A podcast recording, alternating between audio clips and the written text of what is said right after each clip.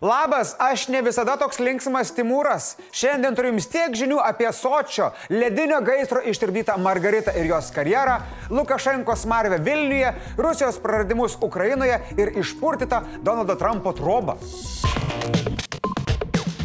Mano kolega ir didžėjus Andrius Tapinas vėl kiša pagalius į ratus Rusiją labiau už Lietuvą mylintiems lietuviams. Tiems, kurie kalbėdami apie Rusiją ir jos reikalus nenori nieko painėti su politika. Šį kartą turėčiau pasakyti, jog dabar pagalį įkišo į pačiūžas. Dar penktadienį Andrius paskelbė, kad pasak Dimos Peskovo žmonos Tatjanos Nafkos mūsų ledo čiažėjai Povilas Vanagas ir Margarita Drobesko ruošiasi raižyti ledą Sočyje ir ne šiaip pačiuožinėti, o pasirodyti Gulbių ežere. Ir užsisuko rimtas pasirodymas su trigubais tulupais ir panašiai. Į įrašą sureagavo ir pati Margarita Drobesko. Instagrame pasidalijo menišką nuotrauką ir rusų poeto Bulato Okudžavos eilėraščių. Tas eilėraštis prasideda pasakymu nuteisti iš pradžių save, o tik paskui teisti savo priešą. Ten sakoma, kad iš pradžių reikia nugalėti priešą savyje, o tik paskui išorėje. Na ir Bulato tridelė baigėsi paaiškinimu, kad nustojus valioti durnių galėsi tapti žmogumi. Na, 50 metė Margarita dar kartą įrodo, kad ne metai žmogui proto prideda. O tuo tarpu Vanago mama, Margaritos Uošvinė ir Lietuvos dailio čiažimo federacijos prezidentė atsakė, kad nieko apie šį pasirodymą nežino, o po to jau nebeatsakinėjo nieko. Na, kai toks viešųjų ryšių gaisras, tikrai geriausia išeitis yra tylėti. Susirūpino ir politinės figūros. Prezidentūra teigia, jog spręs dėl čia žiems įteiktų Lietuvos valstybės apdovanojimų. Abu 2000-aisiais buvo apdovanoti Gedimino ordino Riterio kryžiais. Negana to, Lietuvos užsienio reikalų ministras Gabrielius Landsbergis sako, kad pasisakytų už Lietuvos pilietybės atimimą iš Margaritos. Anot jo, čiuošti Sočyje turint lietuvišką pilietybę yra išdavystė. Tačiau konstitucinės teisės ekspertas Vytautas Sinkevičius teigia, kad pilietybės atimti nelabai galima. Tad kol Margarita nepradės tarnauti Rusijos kariuomenėje, tarkim kokie čiožėjų kuopoje, pilietybę jų turėtų išsaugoti. Na, o įvaizdžiui ir autoritetui ate. O ar prezidentūra ir Gabrielius savo žodžių laikysis, netrukus sužinosime. Nes Peskovo žmona Nafka, kuriai uždėtos JAV sankcijos, pranešė, kad sportininkai jau skrodžia teroristinės valstybės ledą. Na, o kad jau pusamžiai taikos balandėlė jau taip paslydo ant raudonojo rašystų ledo, mėlyms čiažėjams linkiu čiuošti rusiško karinio laivo linkme. Thank you.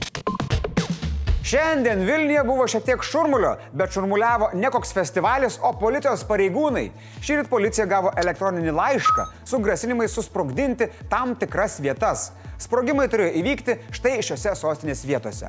Juose yra tipinės tokių skambučių aukos, kaip Seimas, ne viena ministerija, Vaidilos teatras, esantis prie SAT būstinės, JAV ambasada, migracijos departamentas ir panašiai.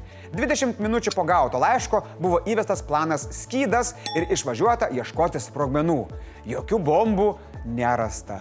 Dėl melagingo pranešimo pradėtas tyrimas. O žinot, kas dar įdomu? Mieste vyksta konferencija Naujoji Baltarusija. Ja organizuoja Baltarusijos opozicijos lyderės Svetlanos Cichanauskijos štabas. Jakšto gatvėje vykstančio renginio metu dalyviai ir svečiai buvo paprašyti palikti patalpas.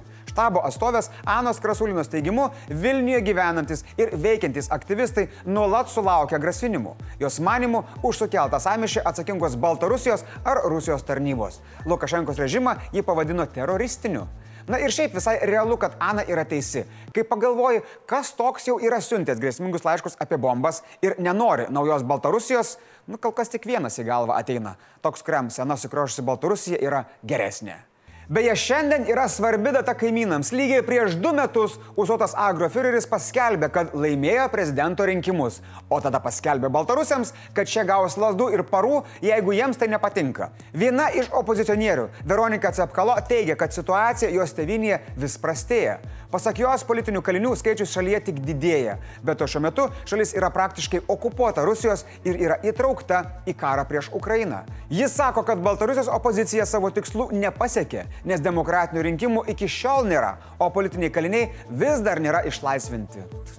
Kažkaip liūdnai baigėsi naujiena. Va, linksmas memas apie Batką.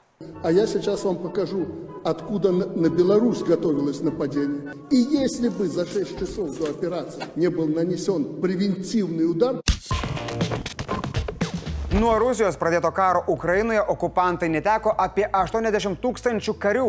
Dalis patrešė Ukrainos žemę, dalis grįžo namo sidabrinėse dėžutėse arba naujų, bet prastų automobilių pavydalu. Dalis gavo medalius, bet jų pačiupinėti negali. Ir praradimų bus tik daugiau. Pentagonas pripažino, kad JAV į Ukrainą siuntė antiradarnės raketas, kurios skirtos kovoti su okupantų oro gynybos kompleksais. O kai niekas negins jų oro, iš ten gali atskristi visokių įdomių ukrainietiškų surprizų.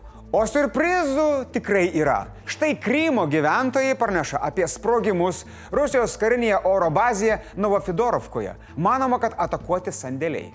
O rusai griebėsi už kiekvieno šiaudo. Okupuotų teritorijų Donetskė naujienų agentūra pranešė, kad grupiai Azovstal gamyklos Mariupolė gynėjų paimtų į nelaisvę grėsia egzekucija, o Lenivkos žudinių rašytams neužteko. O tuo tarpu Ukrainoje nuosprendžio laukia maždaug 400 įtarimų Rusijos kolaborantų, kurie rūpiučio pradžioje buvo sulaikyti Mikolaivo srityje. Turima įrodymų, kad kiekvienas sulaikytasis Rusijos kariuomeniai perdavė vertingos informacijos. Tačiau Ukrainoje veikia ir Rusijos agentai. Du tokius veikėjus neseniai sulaikė Ukrainos saugumo tarnyba. Vienas iš jų į šalį atvyko per Baltarusiją. Jų misija Ukrainoje buvo nužudyti gynybos ministrą Oleksijų Reznikovą ir karinės žvalgybos vadovą Kirilą Budanovą. Truputį nepavyko. Už pareigūnų galvą siūlyta tarp 100 ir 150 tūkstančių dolerių. Nu, aš netikiu, kad žudikai būtų savo dolerius gavę. Iš kur tu Rusijoje dabar tiek grinųjų ir dar doleriais paimsi? Nesąmonė.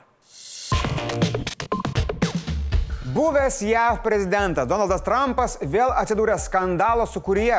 Į jo rezidenciją Mar-a-Lago, Floridoje FTB agentai atvažiavo Amerikos daryti didžią Jie atliko kratą, kuri buvo susijusi su tyrimu dėl slaptų dokumentų tvarkymo pažeidimų.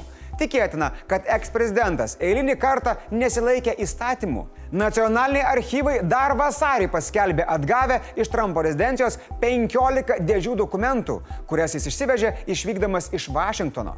Tarp jų griežtai įslaptinti tekstai, kaip Obamos laiškai ar susirašinėjimai su Kim Jong-unu. And they're great letters.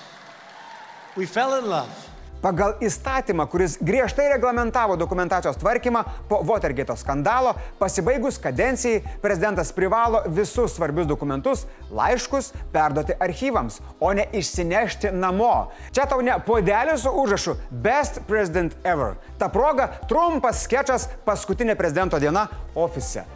Mm. Kaktusas. Mano. Nukastas surainis. Mano Popierėliai nuo snikerso. Mm, mano. DVD su filmais saugusiems. Mm, 15 dėžių valstybinės svarbos dokumentų. E, tikrai ne mano, bet pečių kurianti ar užpakalį valyti tikrai kažko reikės. Paimsiu. Būtent tokio likimo tikėtina dalis jų ir sulaukė. The New York Times žurnalistė Maggie Haberman pažymėjo, kad Baltųjų rūmų darbuotojai kartais rasdavo tualetą užkimštą spausdintais lapais ir mane, kad ten Trumpas nuleisdavo suplėštus dokumentus. Pats Trumpas, žinoma, kaltinimus neigia. Reidą pavadino tamsiais laikais valstybėje. Jis teigia, kad toks užpolimas galėjo įvykti tik žlugusiose trečiojo pasaulio šalise. Tai yra prokurorų nusikaltimas ir siekimybė sustabdyti jį nuo kandidatavimo 24-aisiais ir kad jo nuostabus namai Maralago buvo faktiškai išniekinti. Jo, Doni, visai, visai grinai kaip tos moteris tavo organizuotose rinkimuose mis visata, ne?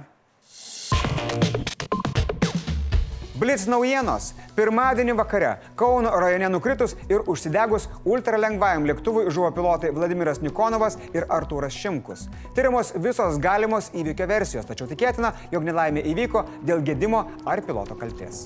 Energetikos ministras Dainis Kreivys pripažino, kad trečiąjį elektros rinkos liberalizavimo etapą gali tekti atidėti. Sprendimas būtų priimtas, jei užtruktų parengti naują tvarką, kaip padėti vyresniems žmonėms pasirinkti nepriklausomą tiekėją.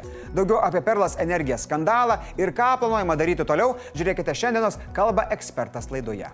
Prezidentas Gitanas Nausėda sako, jog būtina užtikrinti teisinį liberalios elektros rinkos tvarumą. Anot jo, kreivio atsistatydinimas situacijos nepakeistų. Jis teigia laukintis, kada iš atostogų grįž premjerė Ingrida Šimonytė, kad galėtų aptarti Perlas energiją situaciją. Nausėda laukia Šimonytės? O tai kur Diana? Jaučiu palangoj. Mm. Kaliningrado srities gubernatorius pareiškė, kad dėl išeikvotų limitų nebegali per Lietuvą įsivežti naftos, medienos, trašų ir kai kurių kitų sankcionuotų prekių. Pasak pareigūno, Kaliningrado sritis jau išnaudoja kai kurių krovinių apimties kvotas. Ai, ai, ai, ai, ai. Kadangi labai neįtikėtina naujiena, tai užtrukom, kol patvirtinom. Draugai, sekmadienį Kanadoje Lietuvos baidarninkai Mindaugas Maldonis ir Andrėjus Olynikas iškovojo antrą vietą pasaulio baidarių ir kanojų ir klavimo čempionate. Ko pritrūko iki pirmos? Nu taigi laiko. Tiksliau 57 sekundžių. Ir turbūt čia yra pirmas kartas, kai man nuoširdžiai gaila, jog du vyrai anksčiau kartu nebaigė. Mindaugai, Andrėjau, šaunuoliai. Draugai, šiandien komentaruose noriu diskusijos. Ką daryti su paslydusiais mūsų taikos balandžiais, Povilu Vanagu ir Margarita Drobesko? Nuteisti priešą savo viduje, nubausti tuos du, ar tipo pamirštam ir gyvenam draugiškai. Ir nepainijom kultūros su politika, su sportu, ten, nežinau, parašykit, kaip jūs galvojat. O čia taip visai atrodot po pirmadienio apsilankimo sporto salėje.